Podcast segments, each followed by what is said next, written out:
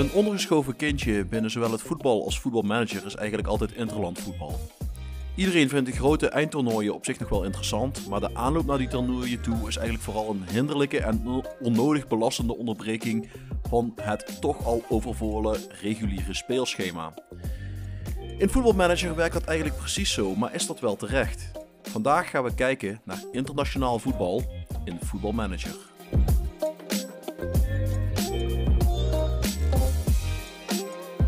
De Voetbal Managers United podcast.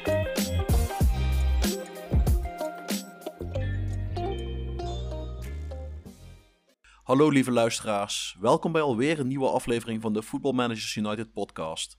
Mijn naam is Guido en vandaag zijn Tim en Fabian, de Frank de Boer en Dennis Bergkamp bij mijn orgasme van Jack van Gelder. ik, ik, hoop wel, uh, ik hoop wel Frank de Boer als speler en niet als bondscoach, toch? Of, uh... ja, dat doen we hem wel maar als speler. Maar ik, ik, moest, ik was eigenlijk nadenken aan... Wat, wat is voor mij een van de meest iconische momenten die ik meegekregen heb vanuit het Nederlands elftal? En ik ben oud genoeg om het EK 88 meegemaakt te hebben. Maar niet oud genoeg om het bewust meegemaakt te hebben. En dan kom je toch uit bij ja, die goal van Dennis Bergkamp tegen Argentinië. En ik heb nog even getwijfeld over die snoekduik kopbal van Van Persie tegen, tegen Spanje. Maar ik kwam toch bij deze uit, gewoon vanwege het commentaar van Jack. Dat is, dat is toch iets wat in mijn geheugen gebrand zit. Ja, iconisch. Absoluut. Het gebied van commentaar zeker. Zeker, ja. maar uh, even, even niet onbelangrijk. Uh, ik zei Tim, en dan denken mensen misschien... oh, die Tim die kennen we, die hebben we al twee keer gehoord. Maar dit is een heel andere Tim. Dus Tim, ik ga je niet Tim 2 noemen, want dat vind ik, dat vind ik niet zo netjes. Nee, liever niet, maar, liever niet. Uh, Tim, zou jij jezelf ook kunnen voorstellen aan onze luisteraars? Ja, zeker. Uh, nou, Tim dus. Ik ben 23. En ja, voor de echte diehards die ook op het forum te vinden zijn... kunnen ze mij kennen als Tim met zo'n mooi apostrofje achter zijn naam. En uh, ja, persoonlijk, uh, ik denk sinds 2000, voetbalmanager 2010, dat dat mijn uh, eerste aanraking met de game was. Eigenlijk een paar jaar minder gespeeld. En ik moet zeggen dat het vorig jaar wel hielp, dat het op een gegeven moment weer ja, kwam een korting. En later zelfs gratis. Toen ben ik toch wel weer gaan spelen. ja, het, soms heb je even een zetje in de goede richting nodig. En ja, inmiddels weer net zo verslaafd als een paar jaar geleden. Dus dat is, dat is mooi meegenomen just when they thought you got out, they pull you back in. Ja, ja, maar ik ben er blij mee, dus dat scheelt. Nee, maar uh, ja, welkom bij de show. Ja, thanks. En nou ja, je, je, bent enigszins bekend met ons format. We gaan eerst over onze eigen saves leuteren. En aangezien jij te, te gast bent, trappen we met jou af.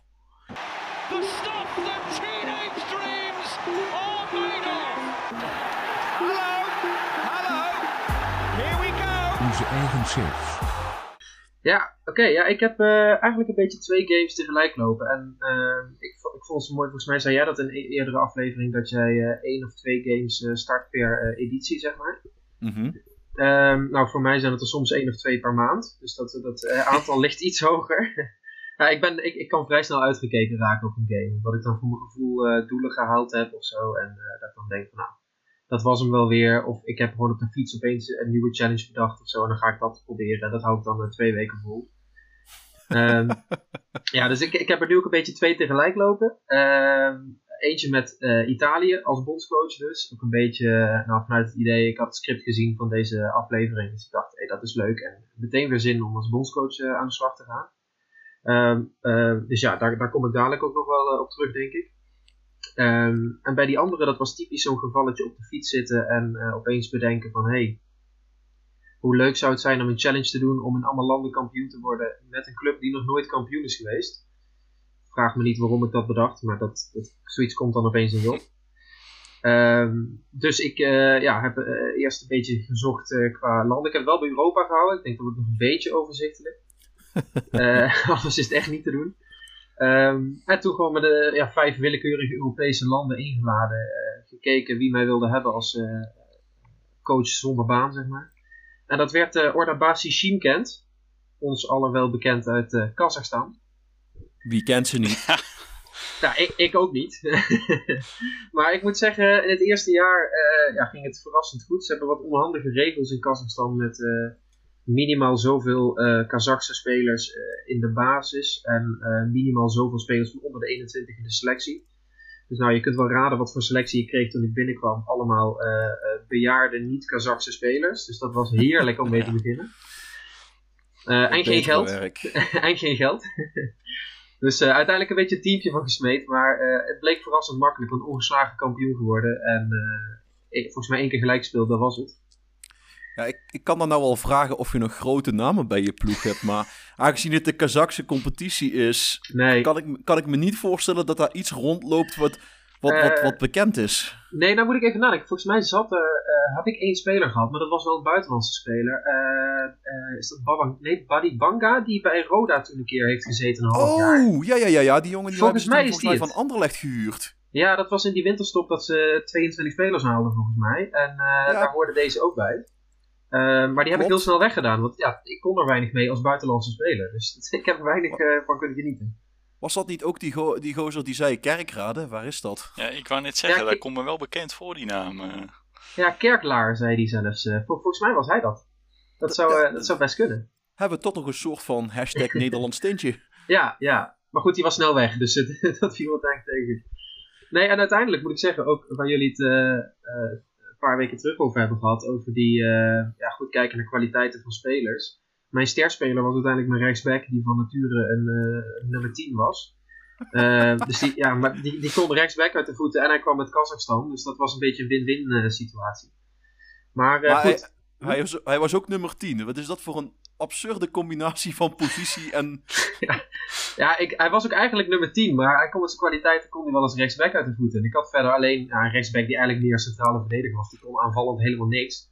Dus uh, ik wilde wel uh, een back die een beetje naar voren zou kunnen. Dus heb ik hem maar neergezet. Maar hij werd wel speler van het jaar, dus wat dat betreft deed hij het goed. Uniek. En van, ja. je, van je spelmaker een, uh, een rechtsback ja. maken. Een soort moneyball-achtige move dit. Ja, ja en verrassend genoeg werkte het. Dus dat uh, scheelde wel. Dat is wel heel fijn voor, voor, voor de betrokkenheid in je game. Als je dan ziet dat het en al een beetje een kneuzeteam is, maar dat, dat dit wel gewoon werkt, dan ja. ga je wel lekker doorpompen. Ja, nou dat zou je dus zeggen. Alleen ja, uh, na één jaar uh, heb, ben ik kampioen geworden. Dus is mijn doel gelukt in Kazachstan. dus ik heb meteen ontslag genomen en gekeken wie me daarna zou willen overnemen. En uh, dat viel tegen. Ik dacht, nou, ik ben kampioenenmaker. één jaar coach en meteen kampioenen wil elke clubje wel hebben. Maar dat, dat bleek helemaal niet zo te zijn. Dus uiteindelijk was het de nummer, uh, de nummer 2 van onder in Tsjechië. SFC Opava. Ook ons allen wel bekend. uh, ik kent ze niet. Ja. Dus dat is het nu. En ik heb nu volgens mij drie, vier wedstrijdjes gehad. En volgens mij vier of vijf punten gepakt. Dus we gaan langzaamaan stapjes uit de degradatiezone. Maar een titel zit er nu nog niet in en ik ben bang volgend jaar ook niet. Ah, op zich, ik, ik, ik ben ze toevallig nou aan het googelen. Um, want dat, dat is wat wij doen. Ja. Uh, ze hebben wel een heel cool logo. Uh, geel met blauw en dan met een soort van zwarte adelaar in het midden. Dus het, het ziet er wel gaaf uit. Um, hebben deze dan toevallig nog een, uh, iets van een bekende naam in de selectie die, die we zouden kunnen kennen? Ja, volgens mij niet. Volgens mij, het zijn mij allemaal niet zo, uh, niet zo heel erg veel. Dus het was ook bij, ja, in Kazachstan ook zoeken naar toevallig een, uh, iemand die er twee keer is ingevallen bij Roda. Maar volgens mij hebben ze die bij Opava niet, uh, niet rondlopen. Schandalig. En dat terwijl ja. Roda zoveel spelers gehaald heeft de afgelopen jaren. ja, genoeg keuze zou je zeggen, maar helaas. De keuze is reuze. Sorry, slecht. Slecht, slecht.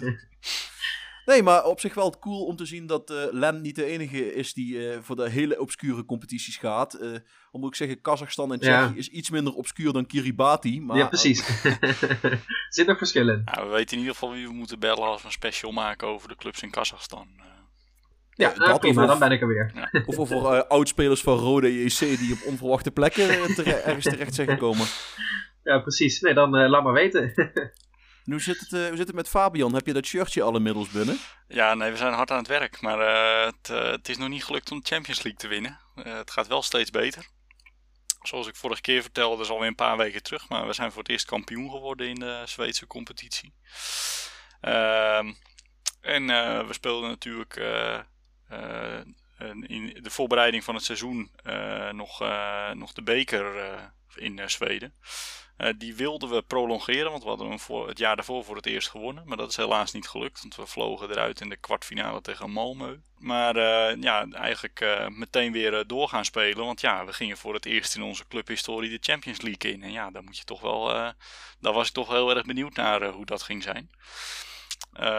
Wat eerst wel heel fijn was, was dat ik erachter kwam dat we eerst nog een play-off moesten spelen. Ik dacht dat ik er al was, maar moesten toch nog de laatste play-off ronde voor de Champions League spelen. Wel de kampioenen play-off, dus ja, dan kom je gelijk toch al wat in een wat makkelijkere ronde thuis. En ja, Tim, jij had net twee ploegen met een, een vrij ingewikkelde naam. Ik ga een poging wagen. Ik heb het net even opgeschreven, maar ja, weet het, uh, we horen het wel op, het mail, op, de mailbox als ik het niet goed uitspreek. Ik moest tegen een IJslandse ploeg. Oh jee. Oeh. Fim Leika Velag Hafnar Fargir. Nou, dat zal wel kloppen, toch? Eh, nou, anders hebben we Richard nog, onze ja. resident ja. IJsland-expert. En, en Bjorn. En Bjorn, ja. Nou, allebei nog, ja. Dus, maar we korten hem voor het gemak even af naar FH, want zo stond hij ook in, het, in de game. Dus uh, ik moest tegen FH. Uh, maar die wedstrijd die wonnen we gelukkig uh, redelijk eenvoudig over twee wedstrijden. Dus uh, Champions League in. dat leverde ons ook gelijk 30 miljoen op. Nou, dat was zo'n nou, bijna 30 keer de clubkas die we op dat moment hadden. Oh, was een lucratieve Scandinavische broedermoord. Ja, dat vond ik wel heel prettig inderdaad. En ja, daar konden we natuurlijk meteen de train trainings, jeugdaccommodatie, alles van uitbreiden. Dus dat hebben we ook meteen gedaan. En we kwamen in de poolfase ja, natuurlijk in pot 4 terecht. Want ja, we hebben amper Europees gespeeld. Dus uh, dan heb je ook niet zoveel te zoeken in, uh, in de coëfficiëntenlijst. En we loten tegen Juventus, de winnaar van Champions League van het jaar daarvoor. Oei. Arsenal en Bayer Leverkusen. Nou, dat wil nee. ik toch min of meer een pool des doods noemen, maar goed. Uh, en ondertussen in de competitie ging het ook wel aardig. Kampioen geworden weer. Voor de tweede keer op rij. Dus we zijn goed bezig. En ja, wonder boven wonder. We worden gewoon groepswinnaar in die Champions League pool. Dus ja, Guido, ik stond op de bank. Ik denk nou nog een paar, ja, eh, zeker. ja, nog een paar van die knock-out fases uh, wedstrijden overleven. En we kunnen voor het shirtje gaan. En toen loten we in de eerste knockout ronde loten we Valencia. Nou ja, die hadden denk ik nog wel een bonnetje openstaan. Toen van die keer dat we ze in de Europa League uh, verslagen hebben in de laatste playoff ronde. Want uh, we wonnen thuis met uh, eh, 2-1. Maar we gingen eruit met 0-2 vanaf. Ah, zonde joh. Dus we kwamen er net een doelpuntje tekort. Het, het positieve is wel, als je in de poolfase dit soort ploegen opzij kan zetten, dan is het... Op, ja goed, de knock-outfase is altijd een kwestie van geluk. Maar het fundament wat je aan het leggen bent, dat is sterk. Dus dat, dat zit goed. Ja, ja, en het feit dat we onder andere Juventus... Uh, uh, nou ja, één keer versloegen in uh, Italië. Thuis verloren we met 2-0. In Italië wonnen we met 3-0. Ja, dat gaf mij wel aan van ja, als je de Champions League winnaar van het jaar ervoor kan verslaan, dan kun je in principe iedereen verslaan als je een goede dag hebt. Dus ja, we, we gaan uh, komend jaar seizoen het weer zien. We gaan weer de Champions League in, want we zijn weer kampioen geworden. Dit keer met een directe plaatsing in de groepsfase, dus dit keer wel. Nice. Geen IJslandse clubs meer, dus. Sorry?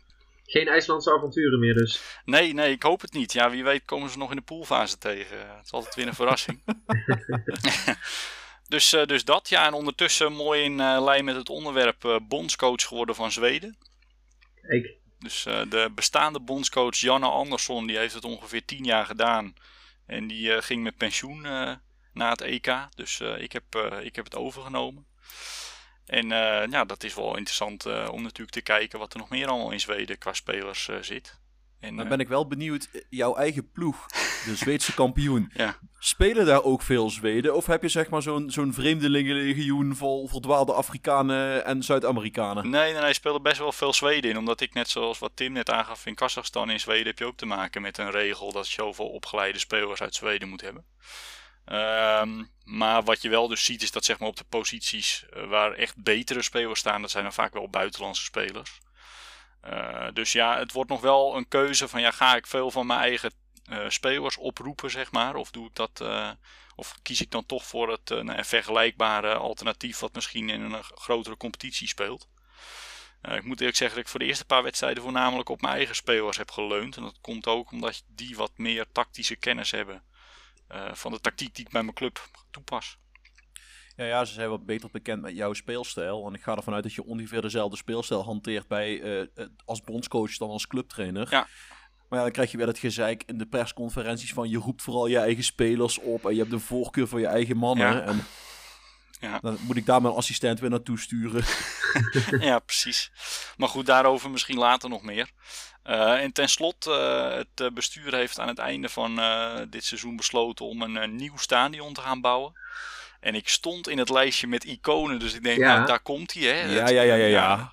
Het eh, Fabian Stadion, maar eh, helaas. Want eh, het bestuur heeft ervoor gekozen dat eh, het club, andere clubicoon Jonas Terren, dat is de vader van Simon Terren, misschien kennen jullie die Ja. nog wel. Oh Van ja. Heerenveen. Van Ja, die heeft ooit bij Heerenveen gespeeld. Eh, die wordt de naamdrager van het nieuwe stadion. Dus eh, ik ben gewoon gepasseerd. Ik heb nog overwogen om een contract te verscheuren. Maar Ja, toch iets te ver gaan na acht seizoenen. Dus gewoon wegwezen daar. ja, De schande. Nou ja, dat en je wil die Steam, die Steam achievement van 30 seizoenen bij een club misschien nog unlocken. Dan helpt het niet als je zeg maar voor, om dit soort dingen opstapt. ja, ja, maar moet ik wel ik zeg dat ik wel hoop dat ik binnen de 30 seizoenen een keer de Champions League win hoor. Want anders dan eh, wordt het wel een beetje Ja, dramatisch. Vast wel. Ja. Vast wel. Maar goed, als, ze als ze daar zien dat, dat jij op een shortlist staat als eh, clublegende voor eh, de naam van het stadion, dan krijg je toch ook wel een shirtje. Daar doen ze er ook niet zo moeilijk over. Nee, ik mag het hopen. En, zo, en, en Juventus uitschakelen in de Champions League, ik vind het allemaal eigenlijk wel goed genoeg. Alles ze moeten niet Ja. zo moeilijk doen, toch? En maar hij heeft hier in de podcast toen gezegd, hij ging pas vragen op het moment dat hij kon overleggen dat hij de Champions League Ja. met ze gewonnen heeft. Ja, dus hij legde dat zichzelf die druk op. Ja. Ja, maar goed, dit kan je allemaal als extra bewijs toevoegen. Dat is natuurlijk Ja, wel... nee, eh, dat is waar. Dat is een goed punt. Dus eh, ja, still going strong. Doe je goed, jongen. Als ik dan kijk naar mijn eigen save, ik zit nog steeds in Turkije. En ik heb eigenlijk een hele eventvolle, ja, of turbulente moet ik zeggen, transferperiode achter de rug. En ik heb eigenlijk niet heel veel meer gedaan. Ik heb toen gezegd, Altinordu is een club die het vooral van de jeugdopleiding moet hebben. En dat blijkt ook, want nou, er zitten best veel goede jonge spelers. En ja, zo rond de winterstop staan we bovenaan in de Turkse tweede divisie. En dat betekent dus dat zo'n beetje de halve Turkse eerste divisie aankomt kloppen om bij ons spelers weg te plukken. En dan kom je in die complexe dans van... Kan ik dit bod weigeren zonder dat ik driekwart van de selectie boos maak... en de moraal van de complete kleedkamer om zeep help? En kan ik deze speler laten gaan? Zo ja, wie kan ik daar dan voor terughalen die in ieder geval niet slechter is dan wat ik had. Eh, het liefst ook niet voor een belachelijke prijs. Want nou, alle clubs weten dus ook dat ik die 30 miljoen gecashed heb voor, eh, op dat doorverkooppercentage van een speler. Dus ze vragen ook allemaal de hoofdprijs. Eh, uiteindelijk heb ik. Ik denk dat ik echt twee of drie dagen alleen maar met die transferperiode bezig ben geweest. En het feit dat we thuis aan het verbouwen zijn, helpt natuurlijk ook niet mee, omdat ik heel erg lekker kan doorspelen. Eh, ik heb uiteindelijk geloof ik iets van vijf of zes spelers verkocht. Eh, twee daarvan, dat waren bewuste verkopen. Eh, eentje was een eh, vleugelspeler, maar ik speel zonder vleugelspelers. Dus ja, eh Pek Zwolle kwam, want dat was een Nederlandse Turk. En ik heb hem voor zes ton de deur uitgedaan. Moet je vooral doen. Er zat er eentje bij, die wilde naar een hogere, naar een ploeg uit de eerste divisie. En nou, dat was bij mij geen basisspeler. Dus ik dacht, nou prima joh, die mag je hebben. Eh Villarreal is, heeft vervolgens transfervrij een speler van mij overgenomen die zijn contract niet wilde verlengen. Waarvan ik stiekem mijn hoop, hoop had dat hij dat toch wilde gaan doen. En die kwamen aan en toen kon ik ervoor kiezen om hem voor 5000 euro per direct te verkopen of om tot het einde van het seizoen te houden. Maar ja, als ik hem dan toch kwijtraak, dan geef ik liever speeltijd aan een jongen waarvan ik weet dat hij het volgende seizoen ook bij mij onder contract staat. Dus ik heb hem dan maar voor 5000 euro van de loonlijst geschrapt. Hm. En dit was een hele gekke transfer. Ehm, ik had ergens een, een 34-jarige centrumverdediger en ineens kwam er een ploeg uit de MLS die hem wilde hebben. Oké. Ehm, waarvan ik dacht, oké, ik, hij is niet slecht of zo, maar ik vind dat heel gek dat een, ploeg uit de MLS, die, die zitten meestal in het Engelse taalgebied qua scouten, dat die in de tweede divisie van Turkije iemand gaan halen. maar ja, eh 15.000 euro, dus nou prima joh, een, een verdediger van 34, die is nog wel te vervangen. Eh, dus dat heb ik ook gedaan. Eh, qua aankopen heb ik het wat nou, ik, ik ben normaal gesproken niet van de, van de rare risico's nemen, maar nu heb ik het wel gedaan. Uh, ik, ik heb een, dat heb ik volgens mij ook in de vorige aflevering al gezegd. Ik heb een speler gescout die bij AFC speelde in de tweede klasse. Maar die het seizoen daarvoor van ADO Den Haag afkwam. En daar gewoon eredivisie basisspeler was. Dus die heb ik alsnog vastgelegd. En jongens, wat is het? Een, uh, hij heeft een paar oefenwedstrijdjes nou meegedaan. Wat een zalige aankoop is dat geweest. Hij is super agressief. Hij kan hard lopen. Dus nou, Koen zou er blij van worden. en ja, voor de rest kan hij ook niet zo heel veel. Maar het is net zo'n zo'n enthousiaste Jack Russell die achter iedere tennisbal aanrent die in de buurt komt. Maar dat levert oh ook het risico op kaarten op. Of, uh... dat klopt. Uh, die pakt hij op zich ook wel. Maar het is wel fijn. Hij zet wel gelijk verdedigers onder druk. En nou, daar, daar doe ik het voor. En wat ik een leuke aankoop vind, is ik heb een Australische Turk gekocht.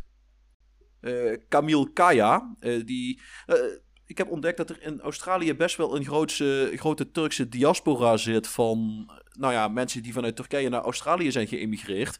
Dus ik ben in Australië nou eens gaan scouten of ik daar niet wat leuks kan, verder nog kan halen. Dus we zien wel wat eruit komt. En ik geloof dat ik nog één jeugdspeler gekocht heb. Die heeft een aflopend contract, maar ze vroegen toch 3,5 ton voor hem. Maar ja, denk, doe het dan maar.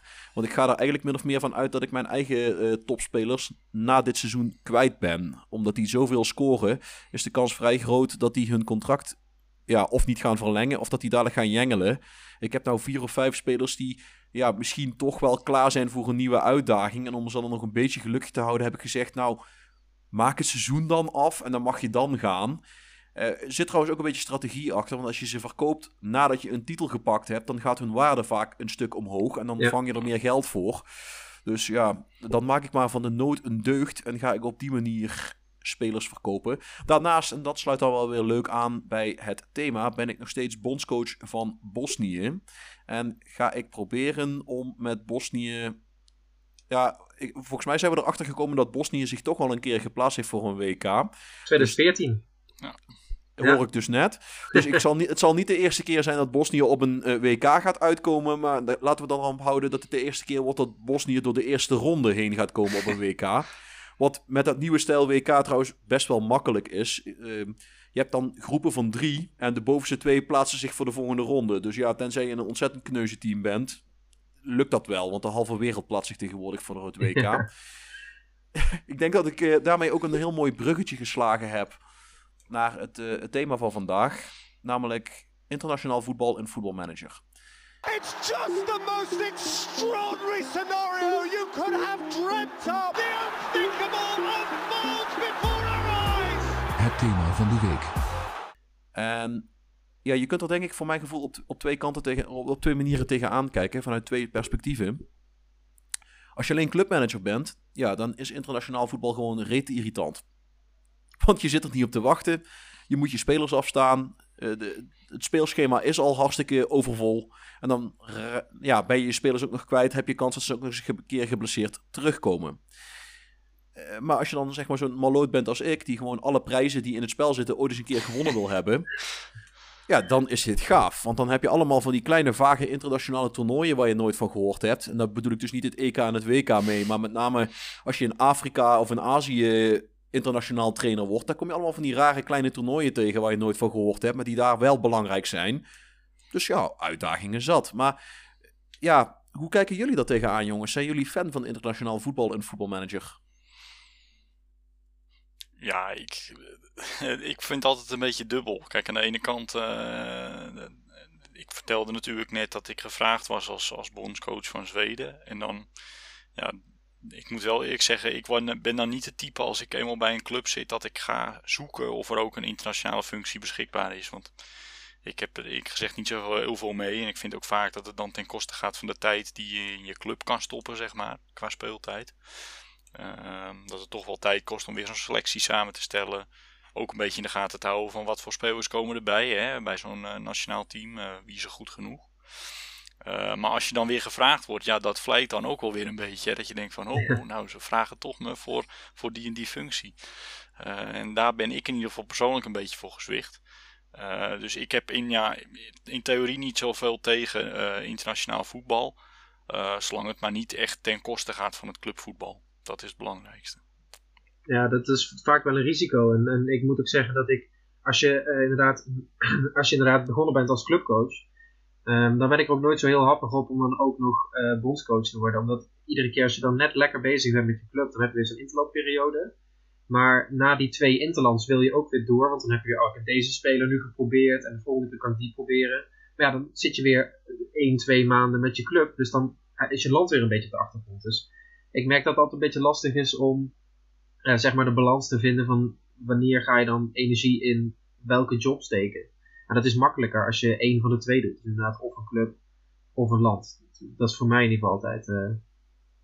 Ja, dat herken ik wel. Al moet ik zeggen, ja, ik vind de, de, de combo vaak wel lekker, omdat het voor mij zorgt voor een stukje afwisseling. Dat ik niet in een sleur terecht kom van alleen maar het een of alleen maar het ander. Eh, waar ik wel vaak last van heb, uh, en dat is voor mij bijvoorbeeld een reden om nooit Afrikaanse spelers vast te leggen, als, als ik niet een beter alternatief kan vinden de Afrika Cup, die gewoon fucking midden in het seizoen gespeeld wordt. En je zult maar net afhankelijk zijn van die ene Afrikaanse middenvelder of spits of verdediger. Of sterker nog, je zult maar afhankelijk zijn van meerdere Afrikaanse spelers. En die gaan gewoon in januari en februari zijn ze gewoon weg, twee maanden. Ja, het is wel nu een beetje gewisseld in uh, Afrika. De laatste Afrika Cup, uh, eh, 2019 was dat volgens mij, die was dan wel weer in de zomer. En uh, eigenlijk zou er aankomende zomer ook eentje zijn, maar die was vanwege het weer, omdat het dan te warm is in Cameroen, dat hadden ze van tevoren niet kunnen bedenken blijkbaar. Hebben ze dat, hadden ze dat verplaatst naar afgelopen januari en februari. Maar ja, corona, dus een jaar uitgesteld naar volgend jaar januari, februari.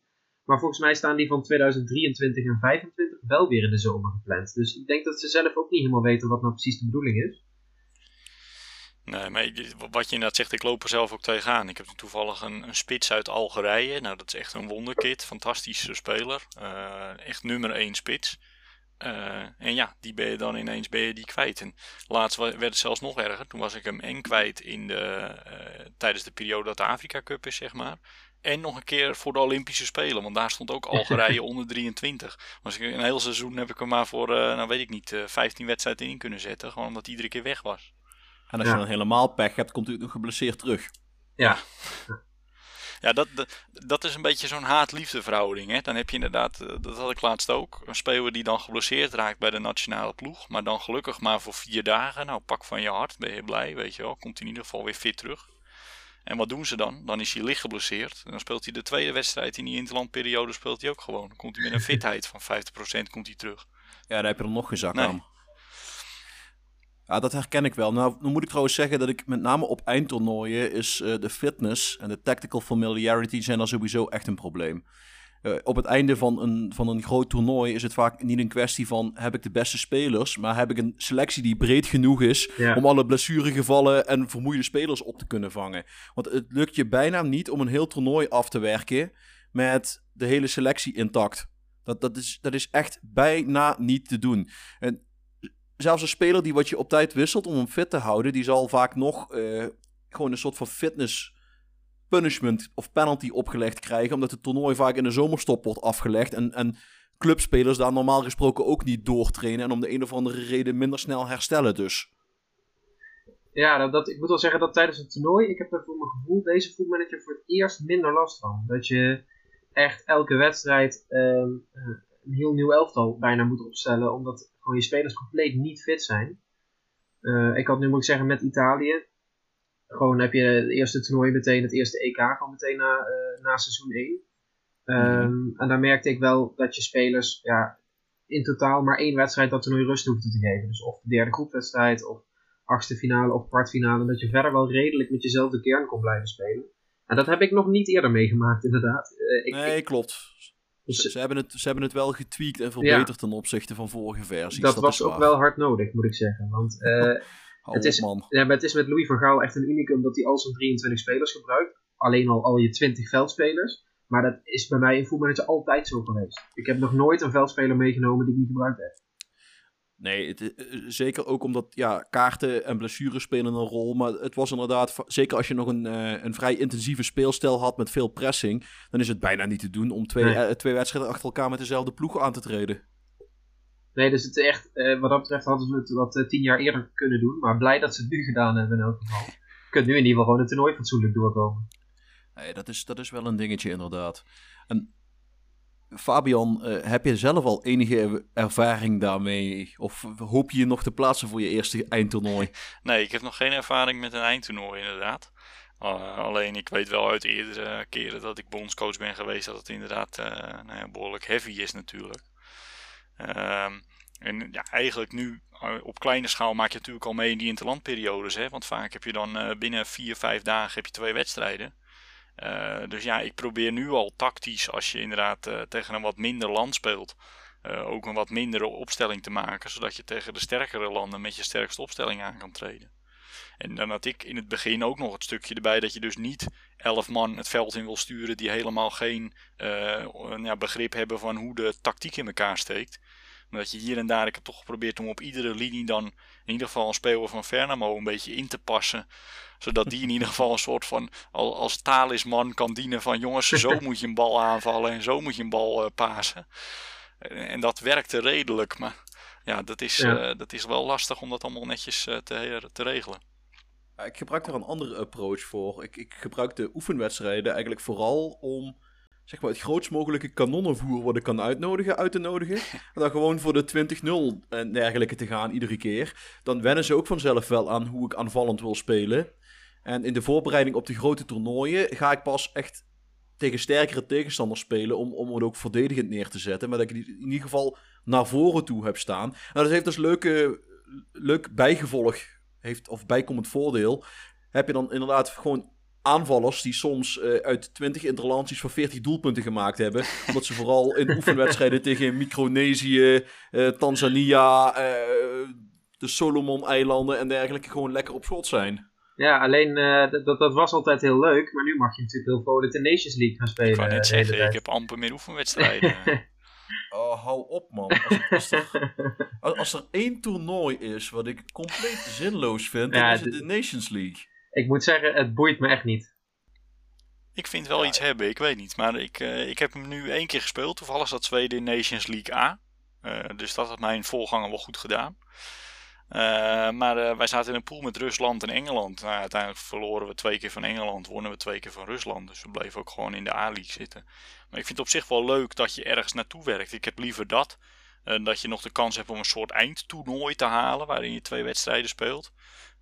Dan dat je eigenlijk alleen maar ja, nutloos oefenwedstrijdjes speelt.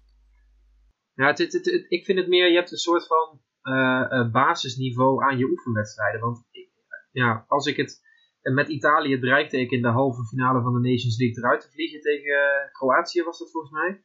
En uiteindelijk door een uh, goal in de 94ste minuut uh, toch nog een verlenging afgedwongen en daarin 3-2 gewonnen. Maar ik merk dat het me gewoon eigenlijk niet zoveel boeit. Al had ik die 2-1 verloren, dan denk ik nou ja, dan maar niet. En dat is gewoon ook een toernooi, dan baal je wel echt als je verloren hebt. En ik merk dat dat wel voor mij echt het verschil is. En het enige voordeel is, wat ik, wat ik net zei, bij een ja, bij, je kunt natuurlijk in oefenwedstrijden dingen uitproberen. Alleen nu kun je het inderdaad uitproberen tegen Rusland, Engeland. En anders zul je misschien oefenwedstrijd hebben tegen Albanië of zo. En dan is dit toch een wat mooier, hoger niveau. Nou, dat is, dat is misschien wel waar, maar ik weet niet. Ik vind een, een toernooi moet altijd een soort van uh, cachet hebben. De, je moet er wat mee kunnen, je moet ergens naartoe werken. Ja. En ik snap wat jullie zeggen met dat promotie-degradatieverhaal. En ik snap ook dat een toernooi wat zo jong is nog geen historie kan hebben. Maar ik zie het vooral als een, als een on, onnodige toevoeging aan een toch al overvolle speelkalender in Europa. Waar je, nou, daar heb je al zat toernooien. Het EK is eigenlijk al een, een groot toernooi. Eh, ik, ik voel de liefde niet. Laat ik het daarop houden. Nee, nee, en het is ook het verschil of je het ziet als inderdaad vervanging van de oefenwedstrijden. Je merkt dat nationale teams gewoon veel minder oefenwedstrijden spelen, omdat je dan Nations League hebt. Alleen wat je nu dus ziet, is, nou kijk maar pas bij, uh, bij Oranje, die spelen dan iedere keer drie interlands in, in een periode in plaats van twee. En ja, in het kader van dat we het allemaal hebben over, uh, over vol speelschema en uh, drukte voor spelers. Wel weer een extra wedstrijd die je dan toevoegt en dat drie keer in het seizoen. Ehm, is het inderdaad een vraag ook hoe handig het is. Want het is niet alsof ze dan anders per se een oefenwedstrijd hadden moeten spelen. Ja, maar ja, oké, dat wel. Maar toch, eh, bijvoorbeeld in Afrika vind ik dat ze al op zich wel leuker gedaan hebben. Want dan heb je eigenlijk twee toernooien. Je hebt de Africa Cup of Nations. En dat is wat wij de Afrika Cup noemen. Dus waar zeg maar gewoon de, de landen hun sterkst mogelijke ploegen mogen oproepen. En gewoon los kunnen gaan. Maar je hebt ook de African Nations Championship.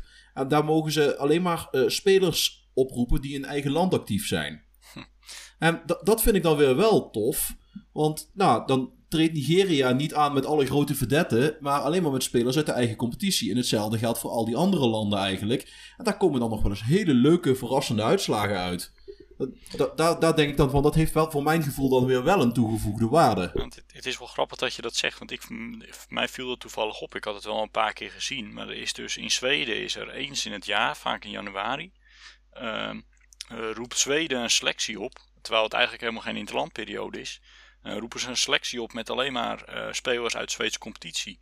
En ik heb daar nooit zo heel erg bewust bij stilgestaan. Want ik dacht dan altijd van, waarom worden ineens zoveel spelers uit mijn selectie opgeroepen, weet je wel.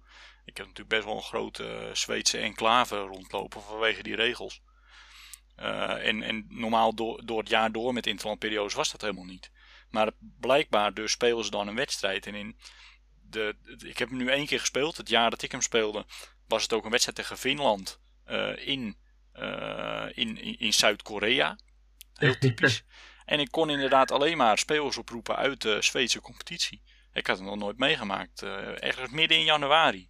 Ja, dat, dat, doen, dat doen volgens mij die Scandinavische landen. En, en dan doet Qatar of, of zo, die doet er ook af en toe aan mee. Dat is inderdaad een beetje een apart fenomeen. Maar dat is ja. uh, volgens mij al jarenlange traditie daar in ja, Scandinavië. in januari. Dat is wel grappig. want hij telt ook ja. niet officieel mee voor je aantallen interlands en zo volgens mij. Nee, volgens mij ook niet. Hè? Er hangt ook geen, er hangt ook geen titel of trofee aan. Nee, niet. Het was gewoon een oefenwedstrijd. Maar dat soort dingetjes zijn op, vind ik op zich wel geinig. Ja. Ik bedoel, dat heb je in, in meerdere landen. Ik geloof in de MLS heb je bijvoorbeeld elk jaar een All-Star competitie. Uh, wedstrijd. Uh, waarvan de Eastern en de Western Conference de beste spelers verzameld worden. En als je een hele goede manager bent, mag je bijvoorbeeld eens een keer zo'n All-Star team trainen. Dat is op zich ook nog wel leuk om te doen. En volgens mij is er zelfs één keer per seizoen daar ook een wedstrijd waarin je met de All-Stars van de hele competitie tegen, de champ tegen een Champions League Champions League winnaar mag aantreden. Zodat je ineens met de beste spelers van de MLS mag aantreden tegen Atletico Madrid of Barcelona of Juventus. Dat, dat zijn de leuke dingetjes. Maar we leiden, eh, volgens mij dwaal ik enigszins af van het, uh, van het thema.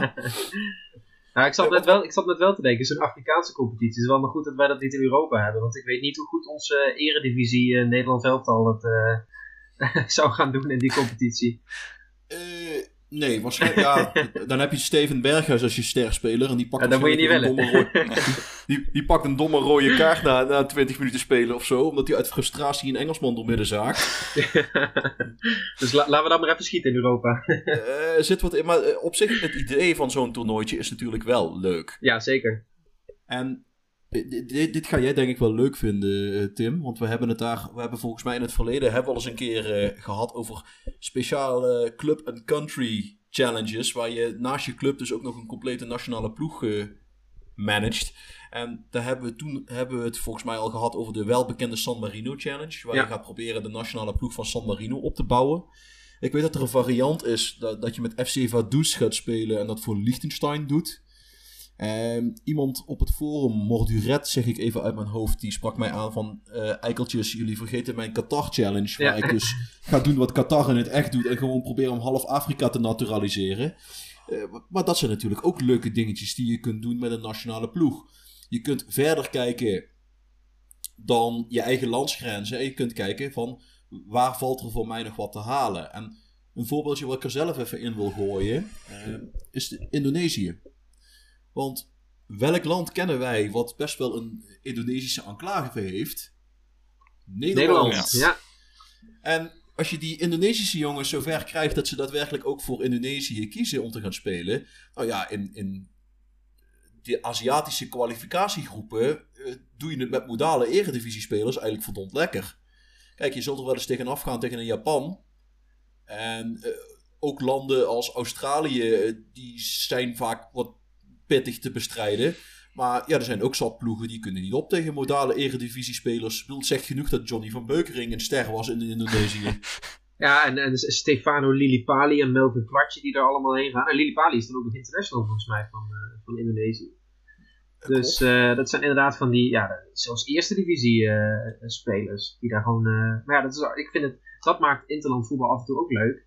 Dat je ook van die spelers ziet als die, uh, die Eyezibwe, die dan voor Nigeria mee naar een WK kan. Ja, ik, dat is toch hartstikke vet voor zo'n jongen. Ja. Die dan voor het land van zijn roots, van zijn ouders, daar kan uitkomen.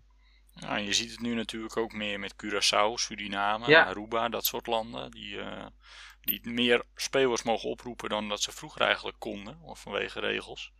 Ja, je ziet toch dat het is gewoon ook gewoon leuk om te volgen, hoe te kijken hoe de landen het doen. Wie weet kom je ze wel tegen op een WK.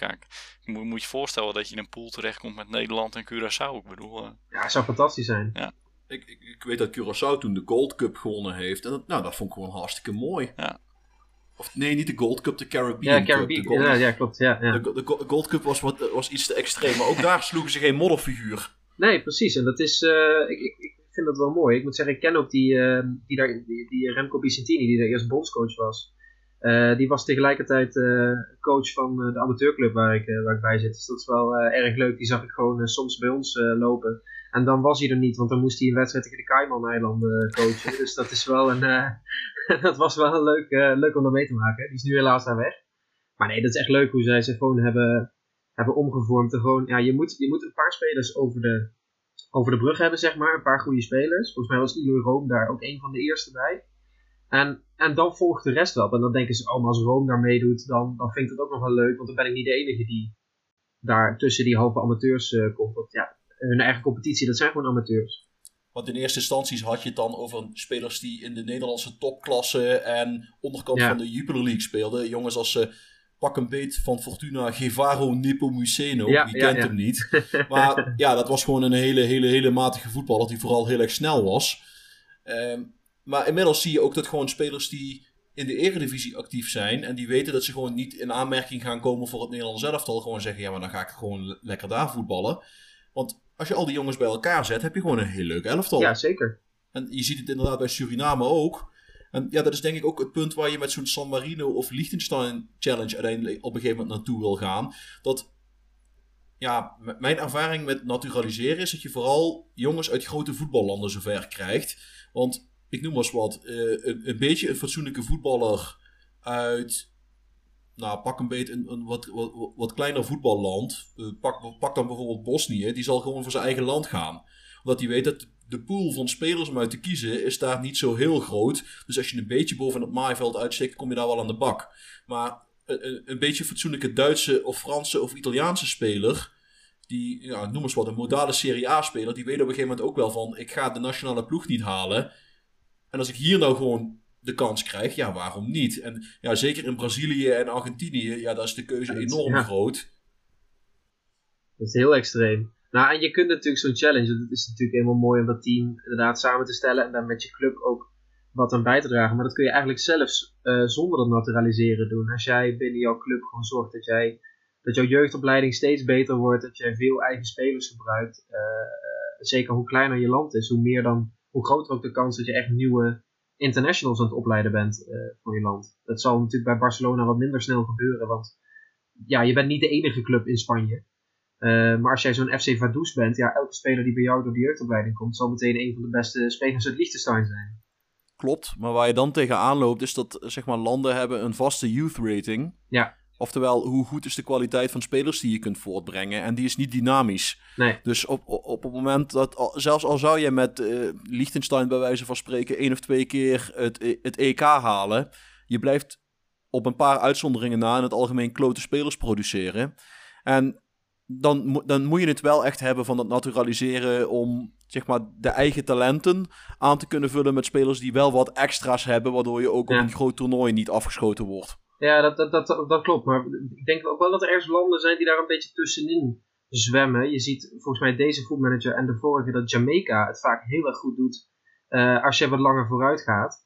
Um, dus blijkbaar komen er wel heel goede jeugdspelers uit Jamaica ook, uh, ook door. En er zullen meer landen van zijn waar het voor geldt. En misschien dat je daar wel iets met jeugd uh, kan doen. Maar ja, naturaliseren is soms de snelste manier om goede spelers naar jouw land te halen, zeker. Mijn gevoel bij Jamaica is eigenlijk vooral en uh, ik noem dit dan de Koen Special. Uh, wat, ze wat, ze, wat ze vooral produceren zijn gewoon jongens die fysiek ijzersterk zijn. Ja. want ze hebben geen bijzonder hoge youth rating. Dat heb ik wel voor de, voor de aardigheid een keer opgezocht. Oké. En wat je dus inderdaad ziet is als je spelers maar snel genoeg zijn en sterk genoeg zijn, dan, en je hebt toevallig een, een, een verzameling aan leuke spelers die een beetje fit blijft, dan kom je daar ook een heel eind mee. Nou ja, en, we hadden het er inderdaad net al over, die fitheid. Uh, mensen met een hoge natuurlijke fitheid, die kun je goed gebruiken op eindtoernooien. Ja, zeker. En zeker omdat, uh, ja, het, hoe moet ik het zeggen, er zijn meer knockout rondes op het WK gekomen in een nieuwe opzet. Waar ze, waar ze, ik geloof het WK in Qatar, wat het eerstvolgende is, het is nog in de oude opzet. Maar daarna gaan ze naar die nieuwe opzet toe van het WK. Met, met meer groepen, kleinere groepen en dus meer knock-out wedstrijden. En daar waar fitheid dus steeds belangrijker wordt. Ja, volgens mij heb ik dat in een van die eerdere afleveringen alles gezegd. Dat ik, in, dat ik enorm rare ploegen in de halve finale van het WK zag verschijnen. Ja. Uh, dat, dat Algerije Brazilië wegspeelde. Want Algerije had een redelijk fitte ploeg en de Brazilianen waren vermoeid. En dat, dat is denk ik wel ook de charme van zo'n groot toernooi. Dat je in die knock-out fases zit. En ja, je hoeft maar net een slechte dag te hebben. Want had iemand van ons een paar jaar geleden kunnen voorspellen dat Brazilië met 7-1 van het veld getikt zou worden door de Duitsers in de halve finale van de WK? Nee, uh, nee laat me gewoon eerlijk zijn, nee. Ik bedoel, tuurlijk, als je een keer te veel gezopen hebt en je, je had er geld op gezet bij een wetkantoor, dan, dan was je binnengelopen. Uh, want dat had niemand kunnen voorspellen. En hoe meer knock-out wedstrijden er zijn, hoe groter de kans dat dit soort dingen ineens gaan gebeuren. Dus en zeker als er geen return wedstrijd is waar een grote ploeg het nog recht kan zetten. Uh, dus vandaar dat ik ook helemaal voor zou zijn voor zo'n Champions League eindronde in dat, in dat, in die, in dat format. Zoals, wat was dat, uh, vorige zomer met de, met de corona-eindronde van de Champions League, waar er maar één wedstrijd was. Dat vond ik gaaf, want je kon je niet verschuilen en je kon niet zeggen, we gaan lafjes op de nul spelen en dan maken we het in eigen huis af. Nou, je hebt één wedstrijd, laat het maar zien. Ja. Maakt en, het uh, spannend, ja. En Barcelona heeft het laten zien. ja, en hoe? nee, dus eh, dat, dat is dan denk ik wel weer een, een, een mooi stukje van het internationale voetbal. Um, hoe, hoe, want jullie hebben wel allebei ervaring als, uh, als, als bondscoach. Gaan jullie voor een, een vaste kernploeg? Of gaan jullie voor de mensen die in vorm zijn als jullie een ploeg samenstellen? ja, vaste kern. Maar dan vooral uh, wel kijkend naar, naar gewoon kwaliteit van spelers. en wat je op dat moment nodig hebt. Um, soms denk ik van nou, ik kies iets meer voor de ervaring. Hè? Dus mensen die al wat langer meelopen, een beetje rond de 30. fysiek niet zo heel bijzonder meer, maar voornamelijk mentaal en voetballend nog heel goed. en soms heb je wat tegenstanders dat je denkt van nou, ik kan hier wel wat meer op de jeugd inzetten spelers die eraan zitten te komen, waarschijnlijk over een paar jaar echt vaste klanten zijn in het eerste helftal. Dat je die een kans geeft. Daar probeer ik wel een beetje in te wisselen. Maar zou je dan ook zijn zoals Frank de Boer, dat je gewoon Luc de Jong gewoon op blijft roepen, ondanks het feit dat hij bij Sevilla niet speelt? ik zit te denken of ik een soort Luc de Jong in mijn elftal heb. Ja, als je de ja, als je er eentje zou willen noemen, dat is dan ook wel misschien een spits. Dat is dan mijn Luc de Jong een beetje. Die kennen jullie denk ik ook wel. Dat is uh, Carlos Strandberg. Ja, ja, ja, ja. ja. Uh, die zit in mijn game zit hij bij uh, New York City FC. Ik weet niet of hij daar toen al zat. Maar ja, die is ondertussen 33, 34. eigenlijk is hij al voorbij gestreefd door een aantal, door een aantal new gens. Uh, alleen het voelt toch een beetje als die oude ervaren rot die uh, nog wel een doelpuntje kan bezorgen als het even niet loopt voorin. Goed voor de kleedkamersfeer. Ja, precies. Oh, een soort André Ooyer uh, van Zweden. nou, dat, is, dat zijn geen complimenten die je nou maakt, hè? De André Ooyer van Zweden. Die, die, die, staat er weer niet bekend op de goals. Ik heb niet het idee dat Carlos naar deze podcast luistert, dus ik kan dit rustig zeggen. Maar, uh, maar dat is dan wel iemand die zeg maar al achter André Isaac of uh, Alexander Isaac, dat is dan mijn eerste spits. Uh, ja, die daarvoor wat, wat ervaring en nieuw elan kan zorgen. Nu zit het bij jou, Tim. Heb je een vaste selectie of ga je voor de waan van de dag? een beetje wisselend. Als in, ja, bepaalde spelers. kijk, als Donnarumma opeens op de bank komt, die zit nu bij mij bij Paris Saint-Germain ja, die is gewoon zoveel beter dan de rest van de keepers. Die blijf ik echt wel oproepen. En die blijft ook gewoon keeper. Um, maar buiten dan zo'n groepje van, nou laten we zeggen, een stuk of tien spelers die echt wel zo goed zijn dat ze wel standaard erbij zitten. schuif ik wel echt enorm veel. Dus als jij het als buitenspeler opeens op de heupen hebt en je hebt een paar goals en, assists, dan mag je van mij ook wel de kans krijgen. Dus ik ben wel vrij opportunistisch dat ik in een jaar best zeven debutanten kan hebben. Waarvoor het bij drie of vier maar bij één, inter, één of twee interlands blijft. In ieder geval bij één periode. Maar dan heb ik het in ieder geval geprobeerd. nee, maar dat, dat herken ik wel. Want met name naar die grote toernooien toe. Ik denk achterin vind ik automatisme belangrijk. Dus daar heb ik heel erg een vaste ploeg. Ja. Maar bij de posities voorin kijk ik gewoon naar ja, wie zit lekker in zijn vel. Wie heeft een goed seizoen gedraaid. Want dat, is, dat zijn mijn mannen. Dat zijn de jongens die in vorm zitten. En die met zelfvertrouwen en moraal er naartoe komen. En wat, wat, ik, wat ik ook herken is dat ik met name bij die oefenwedstrijden die nergens om gaan, die gebruik ik inderdaad gewoon om spelers te laten debuteren. En om ze, want dan vinden ze me gelijk, ben ik hun favoriete manager als ze onder mij hun debuut maken. en dat vind ik sowieso tof. En ik vind het dan ook wel eens leuk om op die manier spelers vast te leggen, zodat ze niet voor een ander land kunnen kiezen. Uh, in oefenwedstrijden zijn, is dat nog niet definitief. Maar daarna, en ik ben een sneaky bastard, daarna zet ik zo'n jongen naar mijn B-team toe. En als een speler in mijn B-team zit, kan die niet meer door een ander land opgeroepen worden. Daar zit overigens wel een cap op, volgens mij, van 30 spelers. Maar bij mij zijn het dus allemaal jongens met dubbele paspoorten. Waarvan ik denk, ja, maar ik wil niet dat jij voor een ander land gaat spelen. Dus op deze manier hou ik je min of meer binnenboord. Ja, het is een soort reservering. Uh, van, uh, die, die, is voor mij, die gaat niet meer weg. Ja, dat is het wel. nee, het is, het, ik, ik, ik zie vaak wel, en dat heb ik bijvoorbeeld nu bij Italië. Ik, ik uh, speel gewoon 4-3. Ik heb het in het begin geprobeerd. Ik heb zijn Italiaans met vijf verdedigers. Ik dacht, pas me lekker aan aan het land waar ik uh, bondscoach word. Maar met vier verdedigers werkte eigenlijk beter. Vooral ook omdat uh, onze vriend Chiellini in de tweede Interland geblesseerd uitviel. En twee dagen later het einde van zijn carrière per direct aankondigde vanwege een kruisbandblessure van 11 maanden. Dus, die, dus uh, die kon ik meteen afschrijven. dat ging vrij snel, moet ik zeggen. Dus uiteindelijk gewoon uh, geswitcht. Maar ja, op het middenveld. En daar heb ik bijvoorbeeld uh, Tonali, die, heb ik gewoon, die laat ik heel veel spelen. En Bastoni achterin ook grote talenten. Maar ja, verder of ik dan nou Verratti, Pellegrini, Barella, Sensi. Uh, er zijn zoveel Locatelli's en zoveel goede spelers die je daar omheen kan zetten. Uh, dat ook iedere selectie laat, valt er wel iemand buiten de boot. Of ik, ja, maar je had ook basisspeler kunnen zijn. Dus het is, dan, dan kijk je soms wel een beetje van, oh, jij speelt uh, de laatste wedstrijden, zit jij op de bank bij je club. Dus ik laat jou even achterwege en het wordt nu die jongen, want die speelt nu juist heel goed. Ja, klopt. Er zit ook een stukje opportunisme in van wat zijn mijn alternatieven. Want eh, ja, volgens mij heb ik in een eerdere podcast al eens aangegeven dat ik uh, Ravil Tagir en Çağlar Çoyonsu bleef oproepen als bondscoach van Turkije. Ook al speelden ze bij Paris Saint-Germain amper. Gewoon omdat er niet echt betere Turkse verdedigers voorhanden waren dan die twee. En nou, het enige voordeel was, ze waren wel altijd topfit, want ze speelden nooit. Nee, nee. ja, of ze dan wedstrijdfit zijn, dat is nog een andere vraag natuurlijk. Dat, dat was een andere vraag, maar ze, wa ze, waren in ieder geval niet geblesseerd. Nee, dat, dus dat was al heel wat. Hé, hey, maar boys, um, ik hoor van de meeste van jullie dat, dat jullie vooral ervaring hebben met, met bondscoach zijn in Europa. Maar hebben jullie ook al eens buiten Europa gemanaged? Ja, ik, ik ben wel eens naar Amerika gegaan uh, als uh, bondscoach van de Verenigde Staten. Uh, en ja, dat is wel grappig. Dan speel je, of, het moet wel eerlijk zeggen, dat is alweer een tijdje terug. Uh, maar ze hebben daar natuurlijk een soort equivalent van, uh, van het EK. Was dat de Gold Cup, was, wat jij net zei? Ja, de Gold Cup. Hè? Ja. Uh, dus die speel je dan. en ja, gewoon puur het hele Amerikaanse verhaal eromheen. Met zeg maar die spelers die voornamelijk in binnenlandse competities spelen. de draft talenten die daar doorkomen. Dat is natuurlijk ook altijd interessant om in de gaten te houden. Uh, dus dat is wel een land wat ik altijd wel leuk heb gevonden om als bondscoach te starten. Ja, zeker. En, en het, het, leuke is ook als je online kijkt naar de selectie, zeg maar, die Verenigde Staten op dat moment heeft. Er zit altijd, roepen ze wel iemand op die nog nooit uh, een interland heeft gespeeld. Die hebben zo ongelooflijk veel, ook spelers in Europa, die Engelsen die dan weer een Amerikaans paspoort hebben. Of die door Chelsea verhuurd zijn aan, ik veel, club in de League One. En als hij het daar dan goed doet, uh, dan mag hij opeens voor de PS spelen. Die uh, spits van uh, Telstar ook.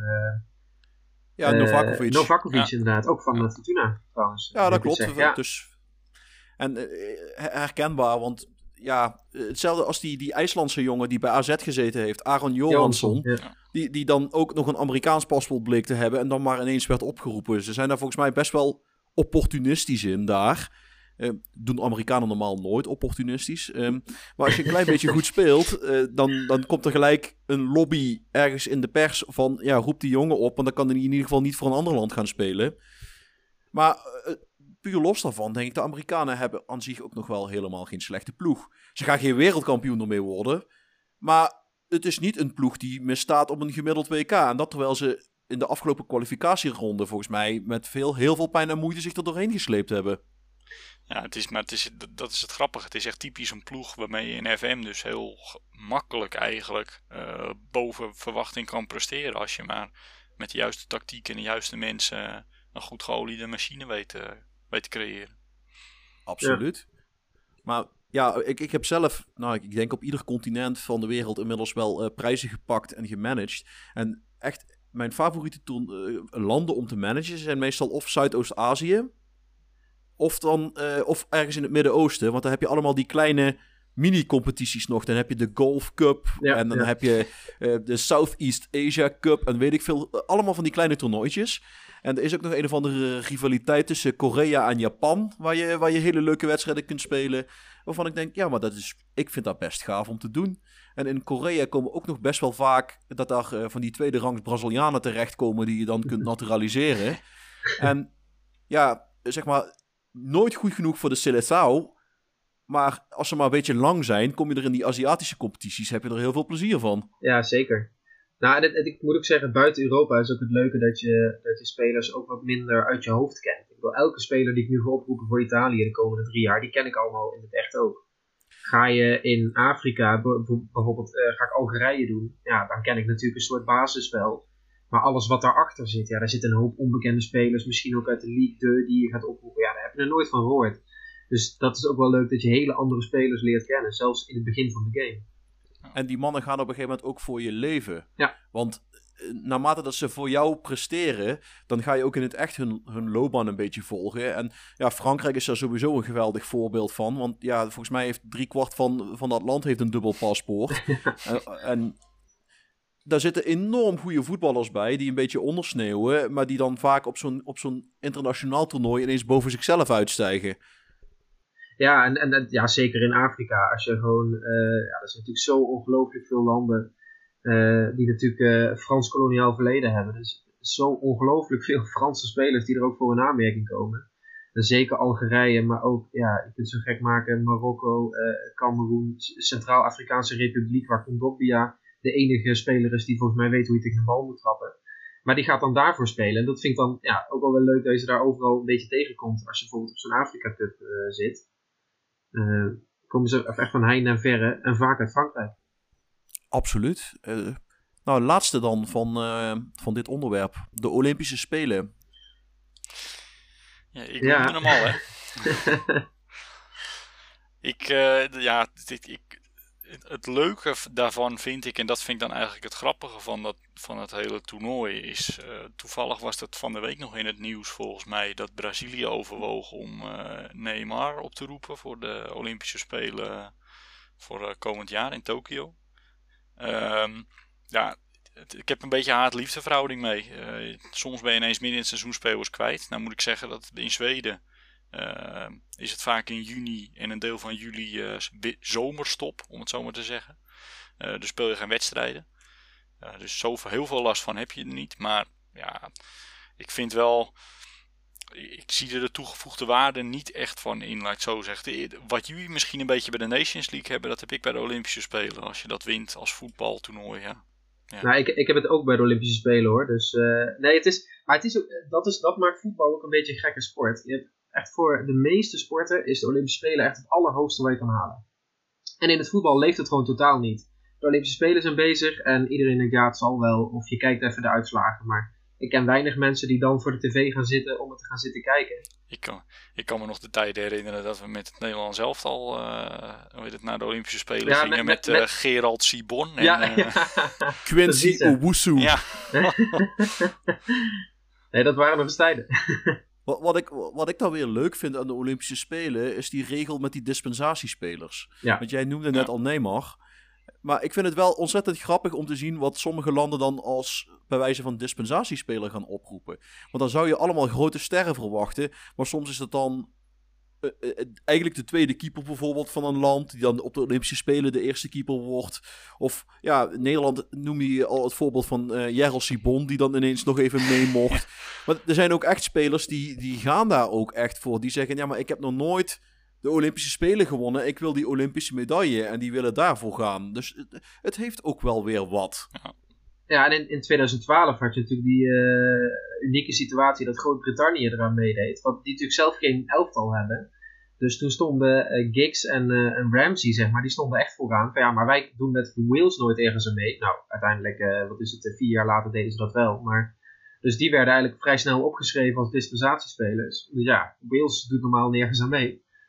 Dus die mochten toen met Groot-Brittannië mee. Maar ik, ik, vraag me af, is het nog steeds zo bij de Olympische Spelen dat je wel maar een kleinere selectie hebt? Dat was eerst een stuk of acht, eh, nee, niet 18, 18 of 19. Volgens mij, volgens mij een stuk of 20 spelers dat je mag oproepen. Het zijn er geen 23, nee. Nee, dus je, ik, dat, dat vind ik het meest vervelende aan de Olympische Spelen in voetbalmanager. Dat je echt binnen je selectie op zoek moet naar, nou ja, eigenlijk een nummer 10 die als rechtsback uit de voeten kan. Uh, in, ieder geval, in ieder geval spelers die op veel verschillende plekken kunnen spelen. Want anders, je kunt gewoon niet doorwisselen ook daar weer fitheid zit je natuurlijk mee. Maar als je maar een kleine bank hebt van 7 in plaats van 11 of 12, dan wordt het gewoon heel krap. Dat is inderdaad dan wel een dingetje. Dus dan kom je ja, toch weer uit bij wat we in het begin ook zeiden. Dat je, gaat, dat je toch gaat voor veelzijdige spelers die je op meerdere plekken en rollen binnen je systeem kunt inzetten. Want daar kun je dan nog wel iets mee. Uh, misschien is hij niet goed genoeg als basisspeler als rechtsback of als nummer 10, maar kan die wel op beide plekken als reserve uit de voeten. En dan is hij altijd nuttig om in te kunnen zetten in een wedstrijd. Ja, en, dat terwijl het misschien een speler is die als je uh, eh, 23 spelers zou oproepen, dat het, dat het ook niet je tweede rechtsback zou zijn normaal. Uh, en ook niet je tweede nummer 10, misschien zelfs de derde en de vierde niet. Maar ja, hij kan op meerdere plekken, dus roep je hem nu wel op. Ja, want je hebt maar een beperkt aantal plekken en je zult er toch het beste van moeten maken. En daarna zet je hem gewoon lekker in je B-elftal en dan kan in ieder geval niemand anders hem pikken. Ja, precies. nee, ik denk dat we daar het, uh, het onderwerp van internationaal voetballen en voetbalmanager, dat we dat op een hele leuke manier net besproken hebben. Dus dan gaan we naar onze club en onze speler van de week. En vinden jullie het oké als ik aftrap met de speler van de week? Ja hoor. Tuurlijk. What is going on here? He's done it again! Oh, genius! Absolute genius! De speler van de week. Nou, als speler van de week heb ik gekozen eigenlijk voor een uh, combinatie tussen het soort voetballen wat Koen leuk vindt en het soort voetballen wat ik zelf tof vind. En heb ik gekozen voor uh, Karim Adeyemi. En ondanks het feit dat het klinkt als een, uh, als een Afrikaan, is het een Duitser. En Karim Adeyemi heeft gezien zijn naam natuurlijk wel uh, Afrikaans uh, bloed in zich, een, een, Afrikaanse oorsprong. Maar hij speelt internationaal voor Duitsland en hij maakt deel uit van de Red Bull-machine. Hij is actief bij, op huurbasis bij FC Liefering vanuit Red Bull Salzburg. En ja, eigenlijk is het een, een, combinatie tussen wat Koen en ik mooi vinden. Um, Koen gaat voor snelheid en dat heeft hij. Uh, en ik ga voor een uh, geniale luie nummer 10. En dat kan die in principe ook. Want het is zo'n zo'n zo'n type speler die zie je gewoon driekwart van de wedstrijd niet. En ineens dolt hij vier man en knalt hij de bal in de kruising. Omdat hij uh, vier of vijf mensen eruit gerend heeft en die bal gewoon stijf het kruis injaagt. Kijk. En dat doet hij in voetbalmanager ook. En best wel vaak, want ik heb hem nou, nou ik heb mijn eigen save. En daar ben ik hem in Europa een aantal keren tegengekomen. En het, Adeyemi was altijd zo'n speler die tegen mij wist te scoren. Altijd. Uh, daar is hij via Dortmund volgens mij bij Man United geëindigd. In de estafettes game die ik speel, uh, zie ik hem, is hij volgens mij ook bij Man United geëindigd. Met een tussenstop ergens in Italië. Hij scoort gewoon altijd en overal. Is ook altijd wel goed voor een assist. Hij is rete snel. En omdat hij in de Oostenrijkse competitie is, is hij relatief goedkoop. Let op, relatief goedkoop betekent waarschijnlijk dat je nog altijd 30 miljoen voor hem neer moet leggen. maar 30 miljoen voor een speler die bij Real Madrid, Manchester United, zeg maar op het hoogste niveau in de Champions League gewoon een garantie is voor doelpunten, dan is 30 miljoen een koopje. Ja, zeker. En, en weet je eigenlijk ook, uh, we het toch over Interlands hebben gehad, heeft hij ook echt voor Duitsland gekozen, zeg maar definitief? Of is dat nog, uh, zou het nog een switch kunnen worden? Volgens mij zou dat nog een switch kunnen worden en ligt dat nog niet helemaal vast. Ik weet wel dat hij voor Duitsland uh, jeugdvoetbal speelt. Maar ja, ja. goed, dat hoeft natuurlijk niks te zeggen. Als blijkt dat hij op, op zijn 25e nog altijd niet is doorgebroken naar die manschaft toe. dan zou het best kunnen dat, volgens mij is hij Nigeriaans ja, van oorsprong. Uh, zou Nigeria misschien wel een kansje hebben. En dan kom je bij de Cyril Dessers route uit. ja, wel mooi toepasselijk in het thema van dubbele nationaliteiten. Ja. De cirkel is rond. Kijk, lekker bezig. De cirkel is rond. Nee, um, ik had voor Club van de Week had ik ook een suggestie, heren. Dus uh, als ik mag. Ga je gang. Gooi hem erin. Brilliant! Just brilliant! He gave that the works. Oh, what about that? What about that? De Club van de Week. Uh, Bologna. En uh, zeg maar, die zijn natuurlijk niet alleen bekend van de pasta saus, die uit uh, die stad afkomstig is. Wel, wel vooral. uh, maar het is ook een, een heel modale Serie A-ploeg, normaal gesproken. misschien in Nederland bekend omdat ze zo gek waren om Mitchell Dijks een contract aan te bieden. Maar in voetbalmanager is het eigenlijk een ploeg die alles in zich heeft om een stuntploeg te worden. En die gewoon ik, ik heb verschillende mensen ook gezien die in seizoen 1 met Bologna de Scudetto gepakt hebben zonder grote aankopen. Want ja, als je de ploeg een klein beetje fit houdt, dan hebben ze eigenlijk alles in huis om te kunnen stunten. Het is een, uh, een ploeg die een aantal sterke verdedigers heeft, een paar creatieve middenvelders heeft en voorin één of twee bloedgevaarlijke Afrikaanse aanvallers heeft. En dan vergeet ik natuurlijk dat we naast Mitchell Dijks natuurlijk ook nog uh, Jerdy Schouten daar onder contract hebben staan. Ah ja. Maar uh, om je een voorbeeld te geven, um, er speelde een, uh, een jong Schots talent bij Bologna. Aaron Hickey. En die jongen is pas 18, inzetbaar als linksback en centrale middenvelder. Dus ook weer zo'n aparte combinatie. Goed voor de linkse um, speler dus. Uh, absoluut. maar, ook, maar ook een jongen die een enorm hoge potentie heeft. En want anders zit je op je 18e niet in de Serie A. En nou, een andere bekende naam is bijvoorbeeld uh, Lorenzo de Silvestri. Uh, ook international geweest. Onder andere in het verleden actief voor Fiorentina en Sampdoria. En volgens mij ook Torino. Ik zie hier ook dus, nog een, een ojaatje. Stefano Denswil. Ah. Maar die zit inmiddels weer bij Club Brugge. Oh, is die weer? Ja, die is, die, maar die is verhuurd, toch? Of niet? Uh... Ik dacht dat ze hem verkocht hadden. Oh, dat zou ook maar wat, wat ik leuk vind aan, aan Bologna is dat ze nou, niet bang zijn om in te zetten op jongere spelers. Dat er ook jeugdig talent rondloopt en dat ze die ook opstellen. Wat niet iets is wat in Italië veel gebeurt. En ze hebben bijvoorbeeld ook uh, Nicola Sansone onder contract staan. Wat ook een, een, een speler is die interlands gespeeld heeft. Maar ook een paar jonge talenten. Uh, heel interessante namen in dat opzicht uh, zijn uh, Riccardo Orsolini en e Emmanuel Vignato. Dat zijn echt, echt enorm grote talenten. Dus er zit van alles wat. Er zitten uh, jonge talenten, er zitten oudere spelers. En ja, deze vindt Koen helemaal te gek. Moussa Barrow. ja, ja uit Gambia. uit, uit, uit, Gambia. Maar ja, volgens mij hebben we hem ook al eens een keer in het verleden Speler van de Week gemaakt. Uh, rete snel, dodelijk. Hij, hij scoort makkelijk. En als je die jongens eenzame spits neerzet en je, je hebt een paar spelers die die ballen erin weten te leggen of er overheen weten te pompen. Nou jongen, die gast scoort als een malle. Echt bijna niet normaal. Nou, ik, ik moet wel zeggen, ik vind het wel leuk. Want als ik jouw verhaal nu hoor, dan, dan zou je denken dat ze nu in het echt ook in de, de titelstrijd uh, uh, mee zouden doen. Maar totaal in mijn, niet. Nee, totaal niet. maar in mijn uh, Manager game zijn ze dus gedegradeerd in het eerste seizoen. Oh, bizar. Ja, dus ik heb uh, Emmanuel Vignato heeft als Serie B-speler inmiddels zijn debuut gemaakt in, uh, in de Italiaanse ploeg. Maar uh, ze zijn dus gedegradeerd bij mij, dus dat vind ik wel opvallend dat je ze nu noemt. En, en dat terwijl ze, er zit echt talent in. Ja, zeker. Een, een van mijn, nou, een van mijn Twitter-matties, Matt, Matt Richards van de podcast Football Manager Therapy die is er dus in geslaagd om met Bologna in seizoen 1 de tweede plek te bemachtigen. En daarna is hij gewoon drie jaar achter elkaar kampioen geworden met amper nieuwe aankopen.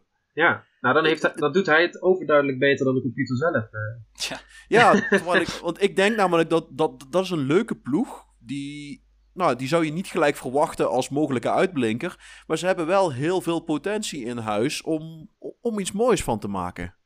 Ja, nou ja, zeker. Bij mij ook, ja, van die namen die je net noemde, Orsolini is bij mij inmiddels bijna vaste waarde in de nationale ploeg. Vignato komt er nou bij als, als talent, maar die, is ook hartstikke groot talent.